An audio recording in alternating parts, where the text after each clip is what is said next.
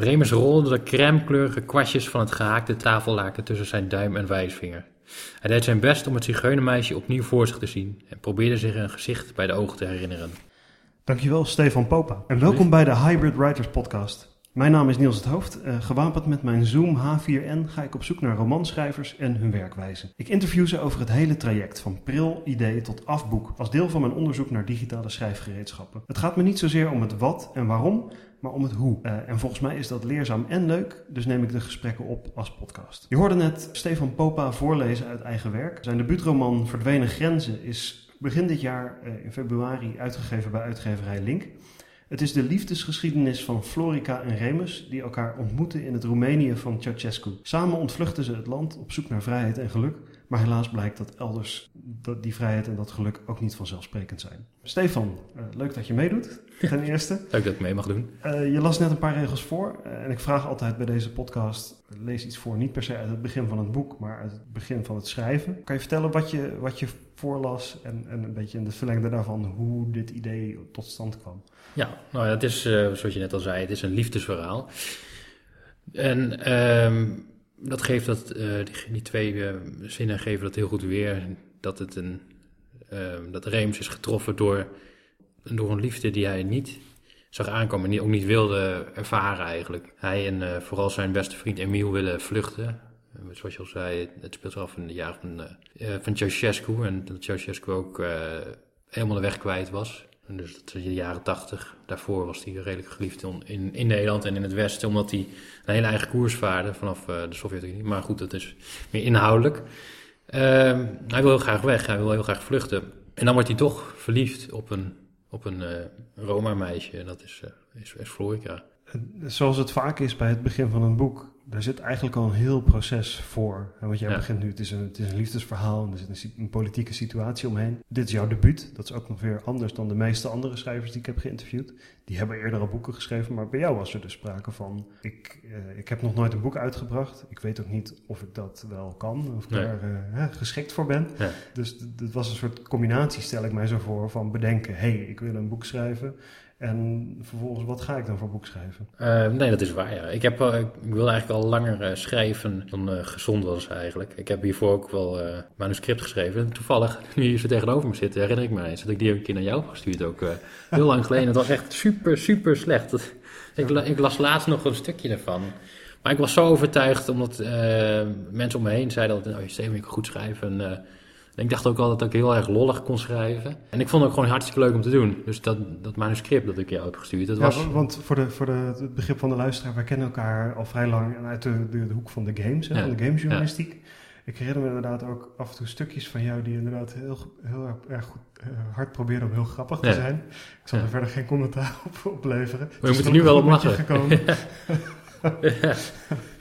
We, weet je nog wat ik heb gezegd op dat manuscript wat je toen stuurde? Nou, hij was heel erg, uh, heel erg correct. Je was wel aanmoedigend, maar je zei ook uh, eerlijk dat, uh, dat het af en toe iets te was, volgens mij.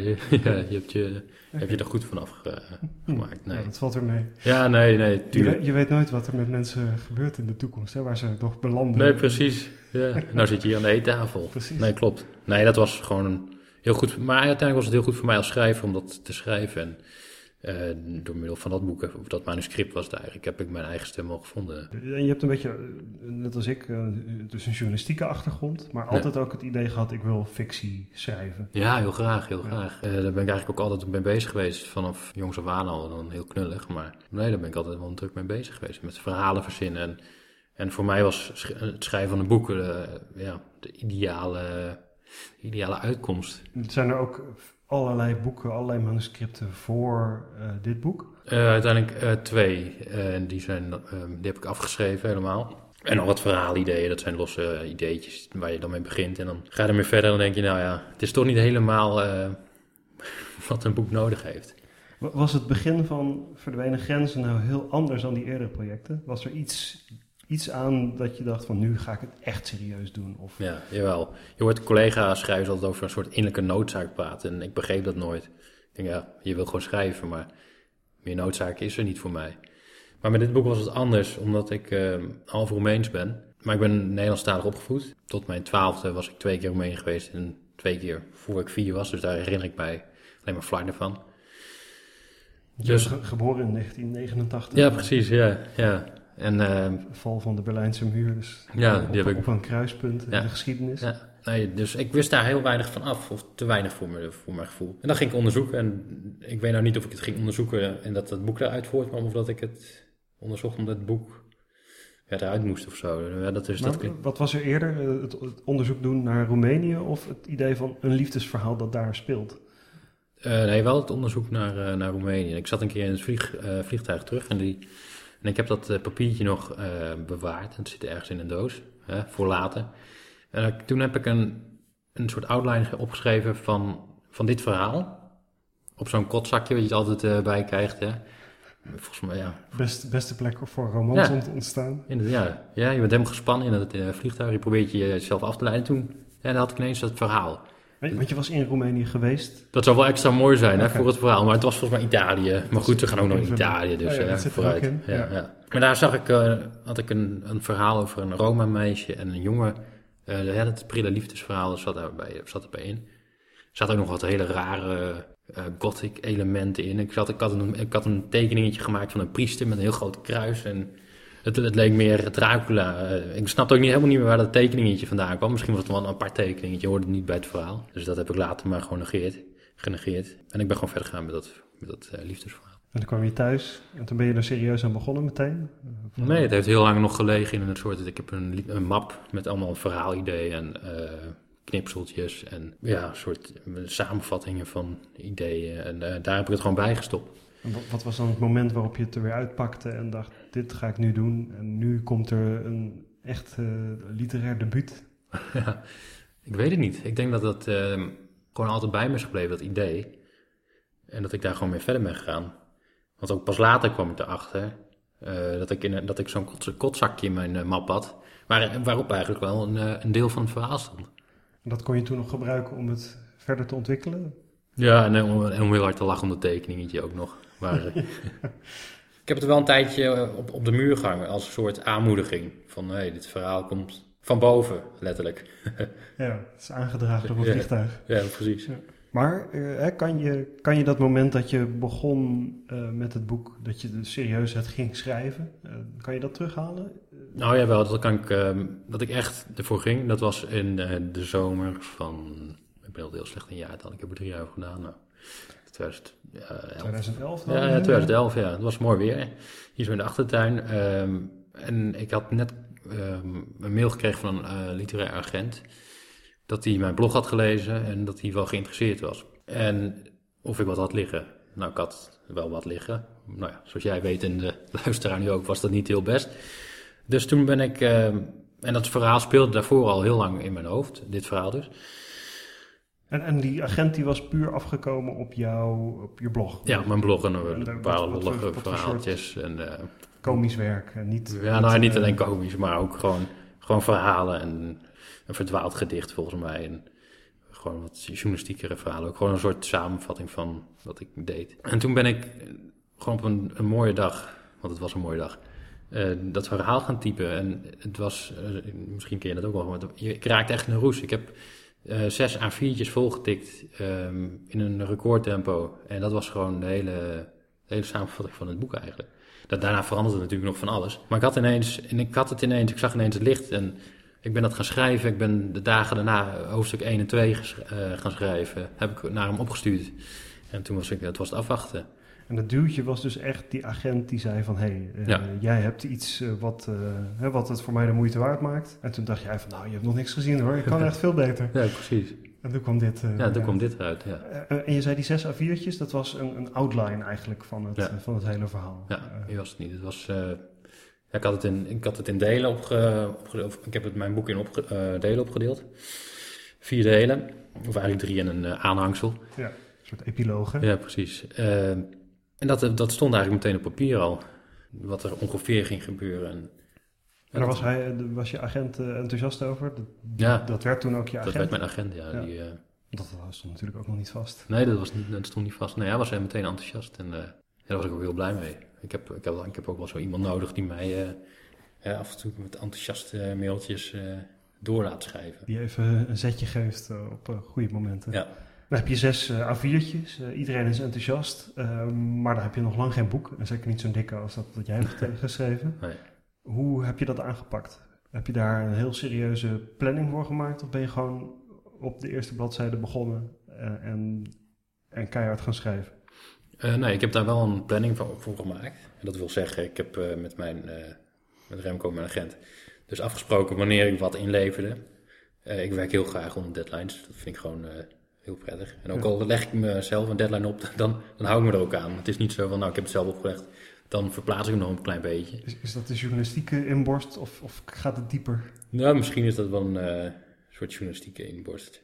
Maar ik, ik zag gisteren toevallig een plaatje en uh, een comic over een journalist, uh, of over journalisten in het algemeen, dat die alles uitstellen tot het laatste moment. Hè? En dat ben jij juist niet dus? Nee, ik ga al meteen, meteen van start. En volgens mij hebben we het ehm, heb ik met mijn agent om de maand uh, beloofd ik om zoveel woorden te sturen. Of zoveel hoofdstukken. Uh, en daar heb ik me gewoon braaf aan gehouden. En heb je die hoofdstukken bijvoorbeeld uh, eerst in hoofdlijnen uitgewerkt en ben je ze daarna gaan invullen? Nee, was dat maar zo. was dat maar zo. Nee, de, e-, de eerste versie, um, en dan vooral het eerste deel waar je dan als schrijver moet je heel erg inkomen in, tenminste ik heb dat als schrijver, moet ik heel erg inkomen in het verhaal, in de personages. En, en ik had niet echt een helder helder skelet of zo. Opge, behalve dan die zes A4'tjes, maar dat is voor 450 pagina's. Is zes, sumier. Ja, precies. Dus ik, ik, ik, ik, schreef maar wat af en ik had het verhaal ongeveer wel op papier. Maar goed, dan, heb je, dan spreek je over twee A4'tjes per deel. Nee, dus ik was eigenlijk... Um, dat kleine beetje houvast gebruikte ik om om het verhaal uit, uit, te werken. Per hoofdstuk, ik had iets van 14 hoofdstukken in gedachten. Dus dat was dan wel een klein beetje wat ik in mijn achterhoofd had. Maar ik schreef gewoon uh, alles op wat, uh, wat, wat in mij opkwam. Kan je iets vertellen over hoe je... Uh, ik, ik, ben benieuwd naar gereedschappen, ik ben benieuwd naar het werkproces. Wat had je allemaal? Had je ook opschrijfboekjes voor als je niet achter je computer zat? Hoe, hoe zag dat eruit? Ja, ik, nee, dat, niet. ik draag altijd een notitieblokje bij me als ik, als ik buiten ben. Uh, ook al voordat je dit boek. Uh, ja, ook, ook, ja, dat is wel, uh, wel belangrijk voor ideeën. En soms ben ik ben wel een lakspersoon, wat niet altijd handig is. Maar dan, dan denk ik, ik heb zo'n goed idee, dit ga ik nooit vergeten. En dan een, een uur later, of twee uur. Er was iets. Ja, er was iets. Idee. Ja. en volgens mij heb ik zo wel twee briljante ideeën laten varen door, door deze laksheid van mij. Maar dus een notitieblokje heb ik altijd bij me, een pen, want, hè, want heb je niks in je notitieblokje. Scherp. Ja, dank je. Ik heb een muismat, wat, uh, wat wel meer mensen hebben, maar het, dat is een soort papierblok waar je altijd ideeën kan opschrijven. Is dat, dat dan ook iets waar je bijvoorbeeld tijdens het schrijven op je computer af en toe iets opschrijft van ook bijvoorbeeld over wat je straks gaat, uh, ja, gaan schrijven? Nee, exact. Dat heb ik uh, en dat gebruik ik inderdaad daarvoor. Of een personage dat nog iets, dat ik, dat ik iets heb laten doen waar ik op later op terug wil komen. Want ik ben heel zo Um, heel slordig in die lijntjes uh, mooi dicht, uh, dicht schrijven. Ja, dus dat, je, dat je van die um, continuïteitsproblemen ja, precies. krijgt. Ja, ja. In, uh, in het boek had ook Remus een tijdje blauwe ogen en daarna had hij ineens groene ogen. Kijk, dat soort dingen wil je voorkomen. Um, dus dan schrijf je dat op. En, maar goed, dat is dan meer een zorgheid. Je gaat meer om andere dingen wat een personage heeft gezegd, dat ik dan later in het hoofdstuk daarop terugkom of later in het volgende hoofdstuk. Dat gebruik ik heel graag. En ik tik alles op de computer verder, het hele verhaal. Ik schrijf niet met de hand. Ik merk al als ik een kwartiertje schrijf dat, uh, ik gewoon kramp in mijn hand krijg. Dat is een talent dat onze generatie nee, dat, dat, ver, uh, verleerd, uh, nee, verleerd is. Ja. Ja. Verder, ik hou van een zo schoon mogelijk scherm. Geen, ik vind, ik heb je hebt tegenwoordig allemaal, allemaal van die breedbeeldschermpjes. En als je dan Word opzet, heb je het hier een blauwe balk en daar een blauwe balk. Het liefst heb ik gewoon alleen maar wit voor me. Maar dan heb je weer het probleem dat je heel erg ingezoomd op de tekst staat. Waardoor je maar uh, per alinea aan het, schrijven, uh, aan het schrijven gaat. En wat is dan de oplossing? Gebruik je überhaupt nog Word? Ja, ik heb, ik heb andere programma's ook gebruikt. Eigenlijk de beste oplossing zou zijn om je scherm verticaal op je bureau neer te zetten en dan uh, dat je gewoon zo schrijft. Ik heb om die reden een tijdje op een iPad uh, geschreven. Ja, ja. Een verticaal neergezette iPad met een toetsenbord erbij. Ja, dat zou echt ideaal zijn voor me ook, omdat je dan uh, niet zo snel afgeleid wordt door Twitter of Facebook. Of tenminste, ik werk, ik heb een iPad. Daar zit ik ook wel graag een beetje op te surfen en spelletjes op te doen of apps te gebruiken. Maar ik ben daar heel slecht in om allemaal dingen tegelijkertijd te doen op mijn iPad. Terwijl je dat op de PC of op de Mac, dan gaat dat veel makkelijker. Hè? Dan klik je daarop en dan klik je daarop. En dan voor je het weet ben je weer een half uur kwijt. Je kan er natuurlijk ook van de, de stekker van de, de router eruit trekken. Of dat kan ook heel goed. Maar ja, dan heb ik wel eens nadeel dat je je research, hè, je vluchtige research, daar kun je dan weer niet bij. Ik, ook, ik heb ook maar dat soort programma's, dat soort programma's getest die, die je internet eruit halen of uh, die, uh, die je bezigheden controleren. Dat soort dingen heb ik ook allemaal geprobeerd. Het is hopeloos nieuws. ja, maar de vraag blijft van, wat, wat heb je dan uiteindelijk als, als apps, als schrijf-apps gebruikt? Als, alsnog gewoon Word. Ik, ik zit eraan uh, vast. Ja. ja, ik heb ook, um, ik weet niet meer wie dat uh, aanraden via Twitter of Facebook. Misschien was jij hetzelfde wel zo'n programmaatje gebruikt. Ik ben even de naam kwijt, maar waar je allemaal karakterdossiers in kan gooien en je outline links hebt en allemaal afleidingen op het scherm. Ik ben even de naam kwijt. Eentje die veel genoemd is in deze serie hiervoor ook, is uh, Scrivener. Ja, ja, die heb ik gebruikt. Uh, met van die indexkaarten ja, die verschuiven. en dingetjes. Dat is echt helemaal niks voor mij. Nee, ik plak, ik plak liever mijn hele muur vol met... dat zijn in feite je indexkaartjes. Ja, precies. Maar ik kan, ik kan een heel slecht tegen als ik mijn indexkaartjes bij de hand heb op een pc of zo. Of op, op mijn schermpje.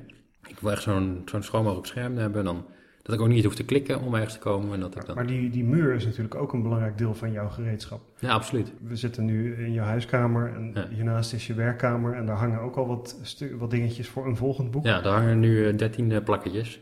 Uh, 15 wellicht. Met ehm, de roze plakketjes zijn de hoofdstukken. Dus uh, roze 1 is hoofdstuk 1. En daaronder heb ik gele post-its met uh, personage 1. En straks komen ook nog oranje post-its voor personage 2. En dan mix ik dat zo uh, door elkaar. Dan kan je ook heel makkelijk scènes verschuiven. Dan, dan zie ik het meer voor me. Dat werkt voor mij heel prettig. Dat verschuiven van scènes is precies wat mensen fijn vinden aan, aan Scrivener inderdaad. Ja. En dat, dat kan dus ook gewoon op een analoge ja. muur, mensen.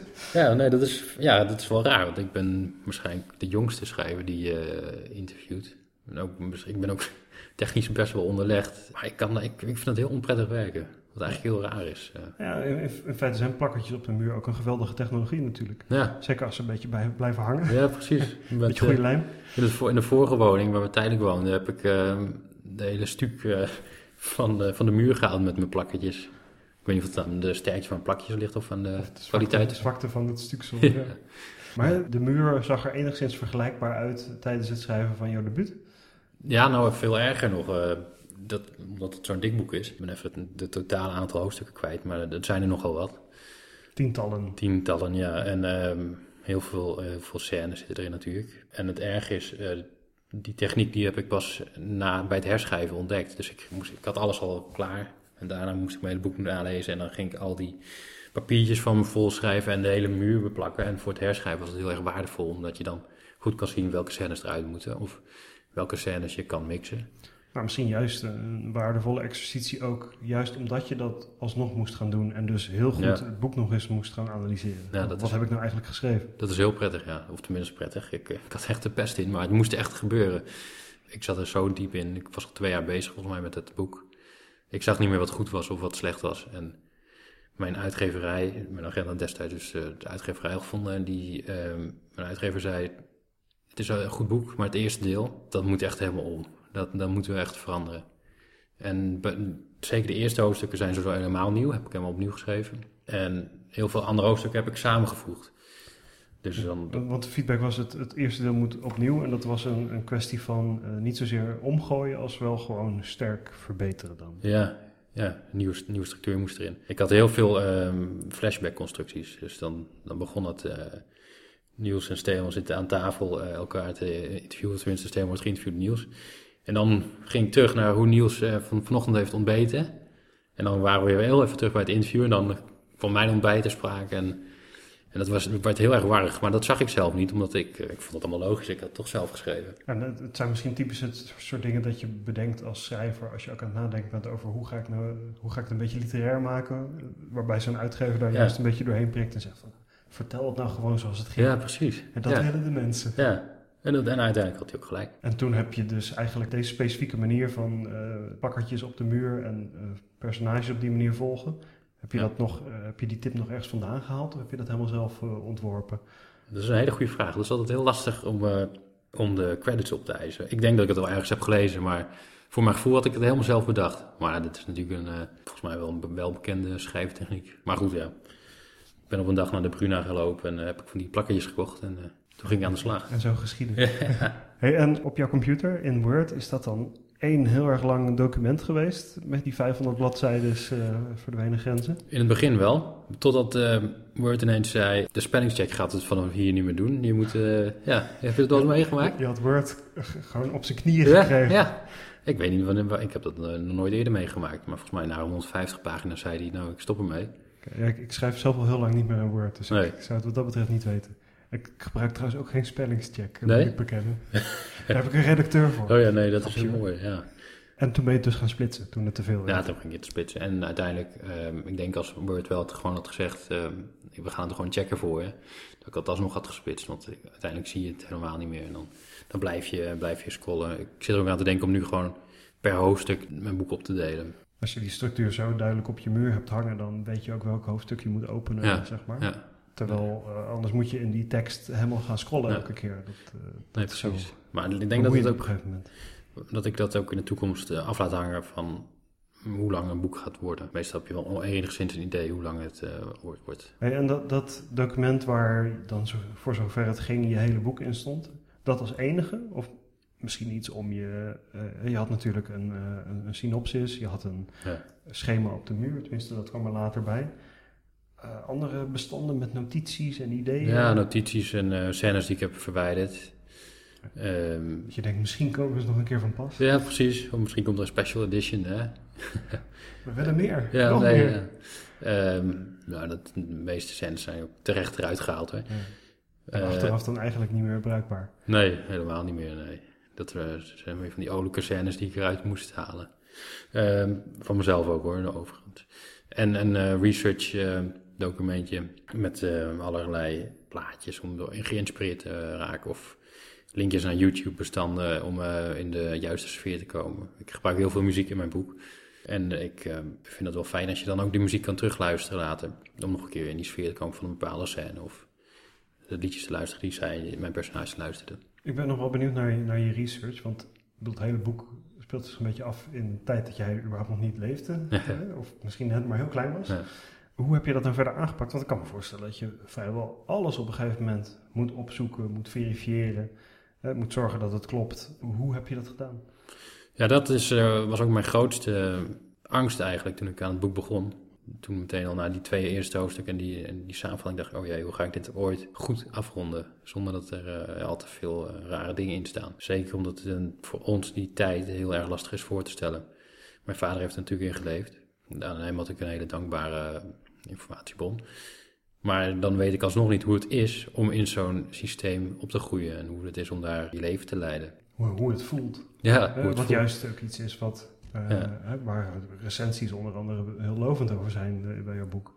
Ja. gewoon zeggen van dat is heel goed gelukt. Dus hoe heb je dat nou gedaan? Ja, dat ben ik ook heel blij. Ja, het is uh, een kwestie van inleven ook. nou, eerst dus al die verhalen aanhoren van mijn vader of van familievrienden of van de taxichauffeur in Roemenië. Ik ben daar ook heel vaak uh, geweest voor dit boek. Wat ik mooi kon combineren met een bezoekje aan mijn oma. Dat was heel uh, belangrijk ook om daar rond te lopen. En in Roemenië is er in 25 jaar een, hoop veranderd, maar ook nog meer niet. Dus je, je kan je heel gemakkelijk in die tijd wanen. Zeker als ik bij mijn oma op bezoek was.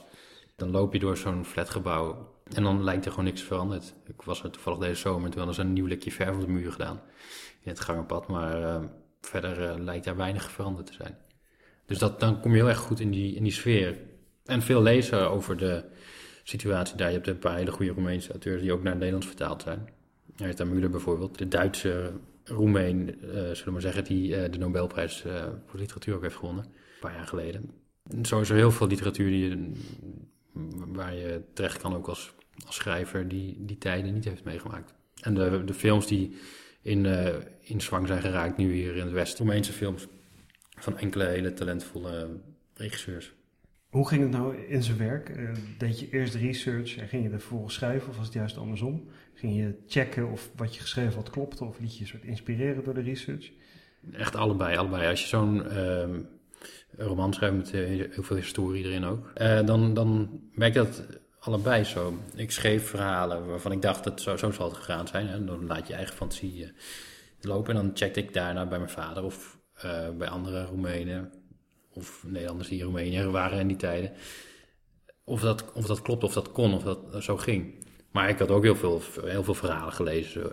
Of in die films, of hè, waar we het net over hadden. En dan, dan, dan breng je dat weer op nieuwe ideeën. En dan ga je weer verder erover nadenken. En het werkte allemaal als je aan het schrijven bent. En dan zit je er zo diep in. Dat, het, dat alles gaat. Ja, ik krijg het heel lastig verwoord, maar... Ja, het wordt één grote hutspot. Ja, ja precies, één grote hutspot. Wat was het nou voor het eerst dat je uh, een, boek ook zo geresearched hebt? Ja, was daar nou was, het ook, meer uit, uit je eigen was het ook niet nodig. Hiervoor heb ik wat, wat verhalen geschreven over, uh, over een vriendengroep. Nou ja, ik heb zelf ook een vriendengroep, dus daar, dat, is, dat is niet zo moeilijk. Uh, je hoeft er niet je vrienden te vragen: hey, mag, ik, mag ik eh, wat vragen stellen over hoe die dynamiek in de nee, nou eigenlijk is? Nee, en daarvoor heb ik een bijna fantasy-achtig ja, romannetje proberen te schrijven. Dan, dan ga je heel erg uit van je eigen fantasie. Dan moet je wel kijken of dingen kunnen, maar dan is het je eigen fantasie die, die je als bron gebruikt. En dit was heel anders.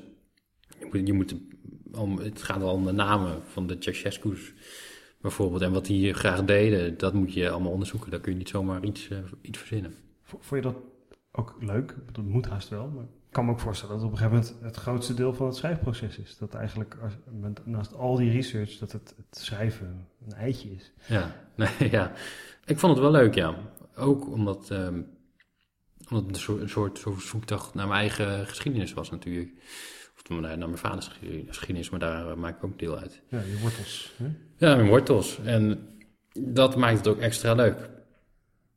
Dus ik heb daar wel van genoten, maar het was, uh, ik kan niet ontkennen dat het af en toe ook heel lastig was. Ik ben iemand die heel graag schrijft en dat vind ik leuk om te doen. Maar dat research, dat, ik dacht niet dat ik het zo leuk zou vinden, laat ik, laat ik het zo zeggen.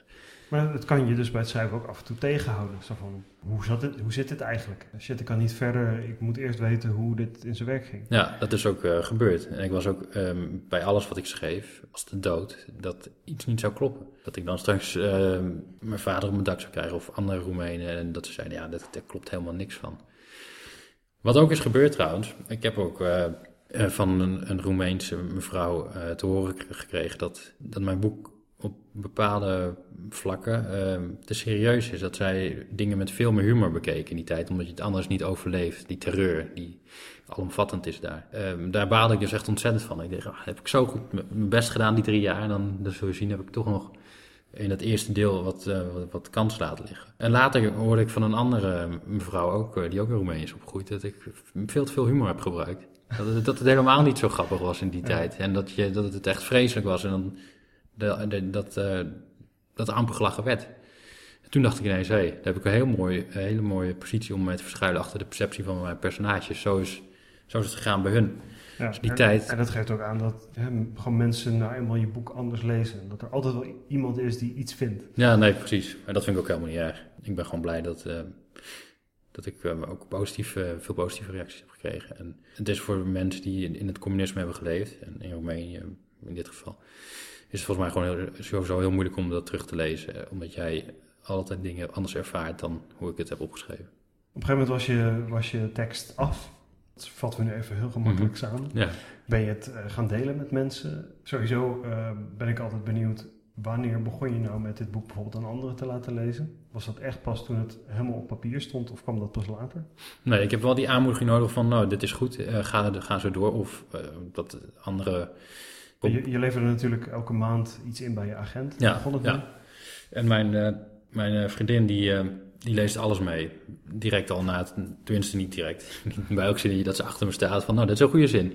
Maar uh, ze leest wel elke hoofdstuk dat ik af heb en waar ik ook zelf tevreden over ben. Dat leest ze altijd mee. Dan, dan zegt ze ook, nou, dit is, dit is uitstekend.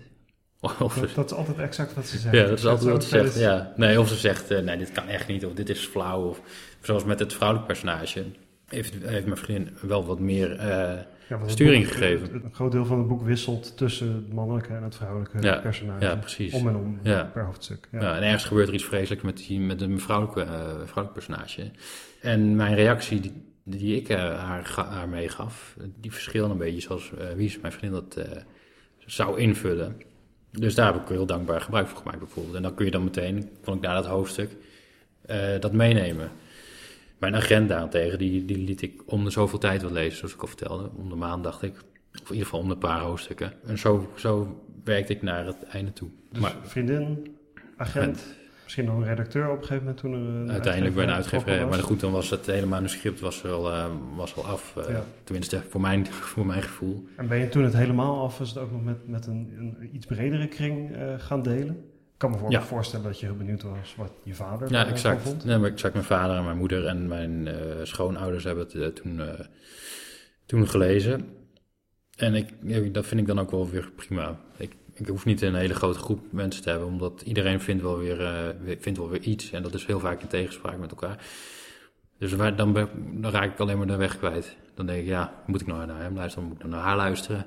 Weet je, ik luister wel naar mezelf. En, en is het, want je vertelde dat de uitgever zei dat het begin dat moet eh, anders. Waren er verder nou nog ingrijpende dingen of, of viel het eigenlijk wel mee? Nou ja, ik vond het begin al behoorlijk ingrijpend. Want het Ja. begin, dat was... eh, het eerste deel was het grootste deel ook meteen. En dat moest wel heel helemaal anders, eh, helemaal omgegooid worden.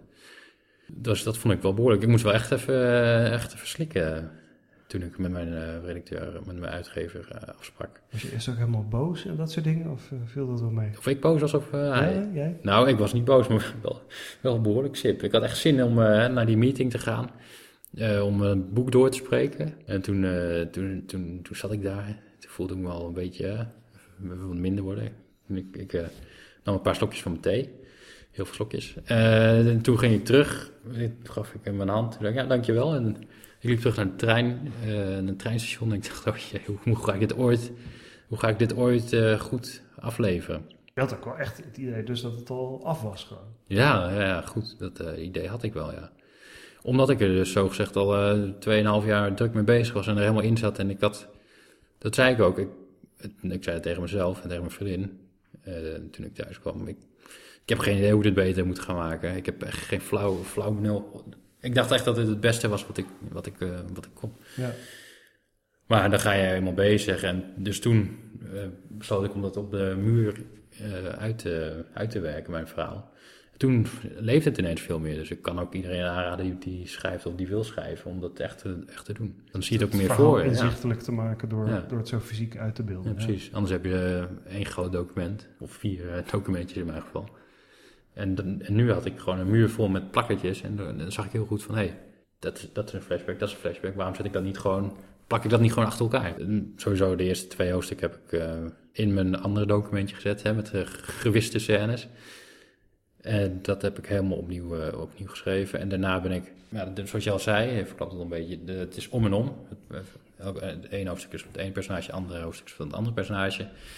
Dus toen heb ik hoofdstuk 4 en hoofdstuk eh 6 samengevoegd. En van dus hoofdstuk 5 en 7 heb ik ook samengevoegd. Dus zodat ik, dat ik die hoofdstukken, dat gooide ik gewoon op een hoop, die, die, die scènes van de twee hoofdstukken van één personage. En die heb ik herschreven dat het één vloeiend geheel eh, werd. Er Ja. mag best wel eens een flashbackje of een eh flash forward in zitten. Maar ik wilde zoveel mogelijk, zoveel mogelijk logisch het verhaal vertellen. Dat soort overgangen zijn gewoon voor de lezer heel Heel vermoeiend. vermoeiend Ja. inderdaad. Heel breinintensief. En ook eigenlijk helemaal niet leuk om te lezen, schijnbaar. Als het goed is gedaan wel. Maar ik ben ook wel zo zelfzeker eh, genoeg om te zeggen dat er een paar wel hele goede tussen zaten. Maar het, het was niet altijd eh, nuttig. Dus waarom zou ik dat dan zo gebruiken? In heel veel gevallen was het zelfs eh, één heel overdreven geval. Was Bremus beland in de gevangenis.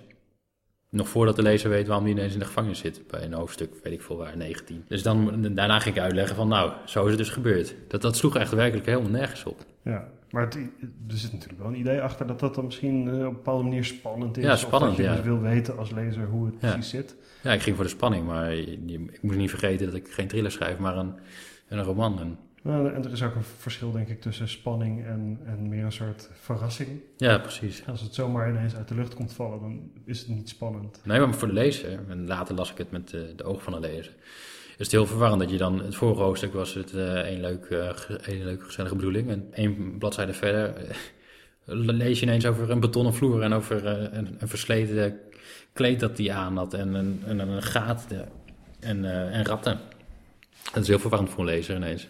Die, die, wissel, eh, die wissel van de twee personages en ook vanuit die personages schrijven, dat is iets wat er echt vanaf het begin al was. Ja. Ook de keuze om vanuit een vrouwelijk personage te gaan schrijven. Nou ja, dat was wel een, eh, een belangrijke keuze, want ik wilde dat het verhaal om allebei ging.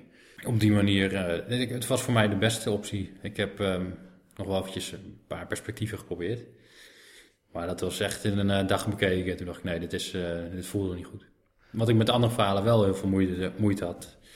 Soms om, uh, doe, laat ik alles vanuit een ik vertellen. Of laat ik een alwetende verteller mijn verhaal uit het doek doen. Ja, dat was in dit geval eigenlijk heel natuurlijk. De, de titel van het boek, was die daar eigenlijk al lang?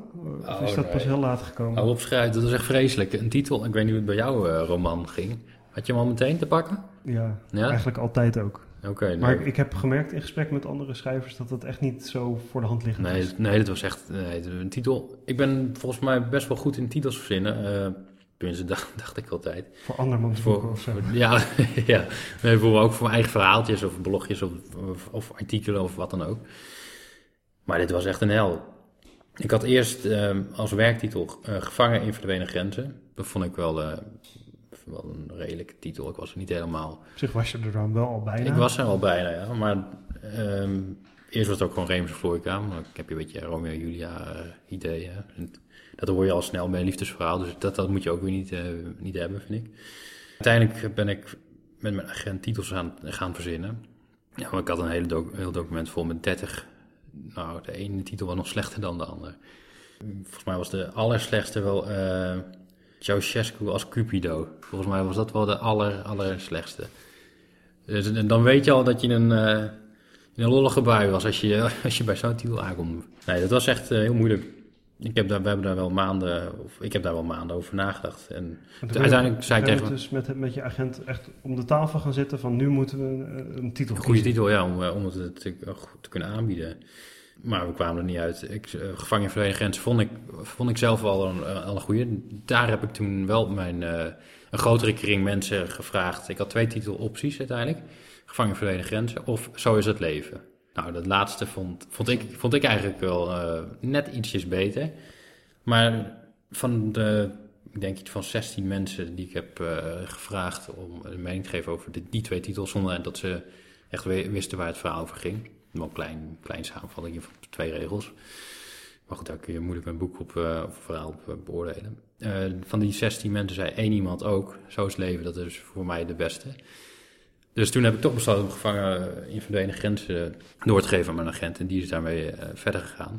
En ik vond het eigenlijk ook allemaal prima, want ik, ik kende wat schrijvers die vertelden allemaal, maak je maar geen illusies. De uitgeverij bepaalt de titel en, de, en het omslag. Jij mag de, de rest verzorgen. Dus ik, mm. nou ja, ik vind het wel prima.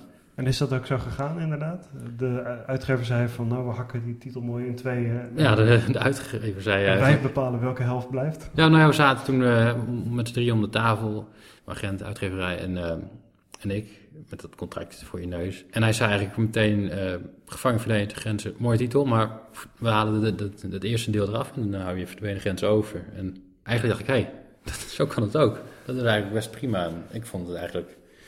Dat was een goed idee. Ja, dat was een goed idee. En ik, ik verbaasde mezelf, of ik verbaasde me erover dat ik daar zelf niet over had nagedacht. Verdwenen grenzen of gevangen verdwenen grenzen. Ja, verdwenen grenzen, dat, uh, dat wel lekker op zich. En dat omslag, de, de, de foto, is het een, een stokfoto? Ja, volgens mij wel. Ik heb maar daar ook niet heel, nou ja, dat is niet helemaal waar. Ik heb het me er wel mee bemoeid. Uh, hiervoor waren twee andere omslagen, uh, omslagen gemaakt, voorstellen tenminste. Die heb ik allebei afgeschoten. Daar was ik echt niet tevreden over. Dus de schrijver heeft wel wat invloed daar, ja. uh, wat, wat, dat betreft. Maar dit is er uiteindelijk uitgerold. Dat volgens mij iets ander kleurtje. We hebben er een beetje zo'n filtertje eroverheen gedaan. Beetje nostalgisch, nostalgisch oranje. Ja, precies. Dan, dat is ook... Dat, eh, zo'n vormgever die heeft daar natuurlijk ook meer verstand van dan ik. Ik maak me daar ook geen illusies over. Maar ik ben er wel tevreden over. Het is, uh... Zie je het als deel van, van jouw boek, de, dat omslag en die titel? Goeie vraag. Nou, de titel wel, maar de omslag... Ik weet niet, als er ooit een goedkopere versie van zou komen... en zou, het zou een andere omslag zijn... dan zou ik daar niet heel erg uh, verdrietig van worden. Ik vind het een heel mooi omslag hoor, daar niet van. Maar omslag vind ik dan niet zo belangrijk. Omslag is meer voor de lezer dat hij niet voorbij je boek loopt in de boekhandel. Hij valt wel door zijn kleur in best wel op tussen de andere boeken, vind ik. Ja? Nou ja, je hebt heel veel uh, romans die een beetje zo'n sepia kleurstelling gebruiken natuurlijk. Ik uh, zag laatst, in, of laatst, dat is al een jaar geleden, dus dan heb je zo'n artikeltje dat ik bewaar in de Volkskrant. Een pagina met allerlei uh, covers die heel veel op elkaar lijken. En hoe weinig origineel omslagen zijn Valt dit dan in zo'n cliché dan volgens jou? Nou, net niet. Een beetje lastig om over je eigen omslag. Nou, uh, nee. Ja, je wil ook geen, uh, geen, geen vormgevers uh, kwetsen of zo. Hè? Nee, nee, precies. Ik ben altijd heel voorzichtig. nou ja, het is, een wel, het is een klein beetje cliché, maar niet op een vervelende manier. Je ziet wel twee, hè, twee, twee verliefde mensen en dan wat vervaagde personages die langs hun heen, personen die langs hun heen gaan. Het vat het boek best goed samen, toch? Ja, nee. Dus, en je ziet als je goed kijkt, zie je een soort grens waar ze op staan hè, van, van de stenen. Dat vind ik al wel, ik vind het heel een mooi, een heel mooi omslag. Ja. Maar die kleurstelling is wel een beetje cliché. Ja. Maar goed, dat hoort er misschien ook bij. Ja, ik vind dat zo'n zo vreemd verschijnsel. Hè? Jij zwoegt jaren en elk woord is exact zoals jij het wil. En dan vervolgens wordt er een plaatje omheen gevouwen en ja. wordt in de winkel gelegd. Nee, dat en dat is wat de meeste mensen van je boek gaan zien. Ja, ja nee, absoluut. De meeste dat mensen kijken eventjes naar op de tafel of... Uh, en, en die zeggen, nou ja, niks voor mij. We hebben het al een beetje gehad over waar je nu mee bezig bent. Je bent inmiddels alweer met een derde boek bezig, want de tweede is al af. Ja, de tweede, ja, dat, ja. Voor dit, voordat we deze podcast begonnen. Nee, klopt, dat vertelde ik. Uh, dat is af, en dat wil zeggen de eerste versie is af. Dat laat ik nou een beetje, uh, een beetje rusten. Ik laat mijn agent er ook een beetje mee stoeien, kijken of, uh, hoe en wat. En ik ben al gewoon door, aan, doorgegaan met boek 3. Dat weer heel anders wordt dan boek 1 en ook weer anders dan boek 2. Zoals het hoort. Ja, dat, is ook, dat vind ik het leuk aan schrijven ook. En ik probeer ook mezelf heel erg uit te dagen. Zijn er qua schrijfproces dingen, behalve dan dat je nu meteen begonnen bent met, uh, met de plakketjes op de muur, ja. zijn er nou ook dingen die je heel anders aanpakt dan, dan je met het eerste boek hebt gedaan? Nou, met boek 2 wel. Dan heb ik, ging ik meer uit van een constructie, een bepaalde constructie die ik eh, heel graag wilde, wilde gebruiken. Ik had niet het eerste idee, ik had meer het, nou, ik had wel niet het verhaalidee, zeg maar, maar ik had het idee van, ik ga drie personages pakken nu, die allemaal in hetzelfde... In hetzelfde dus niet twee, maar drie? Ja, precies. In een veel dunner boek, dus dan wordt nog even kijken of ik dat, uh, of, of, ik dat nog lekker uh, strak getrokken krijg.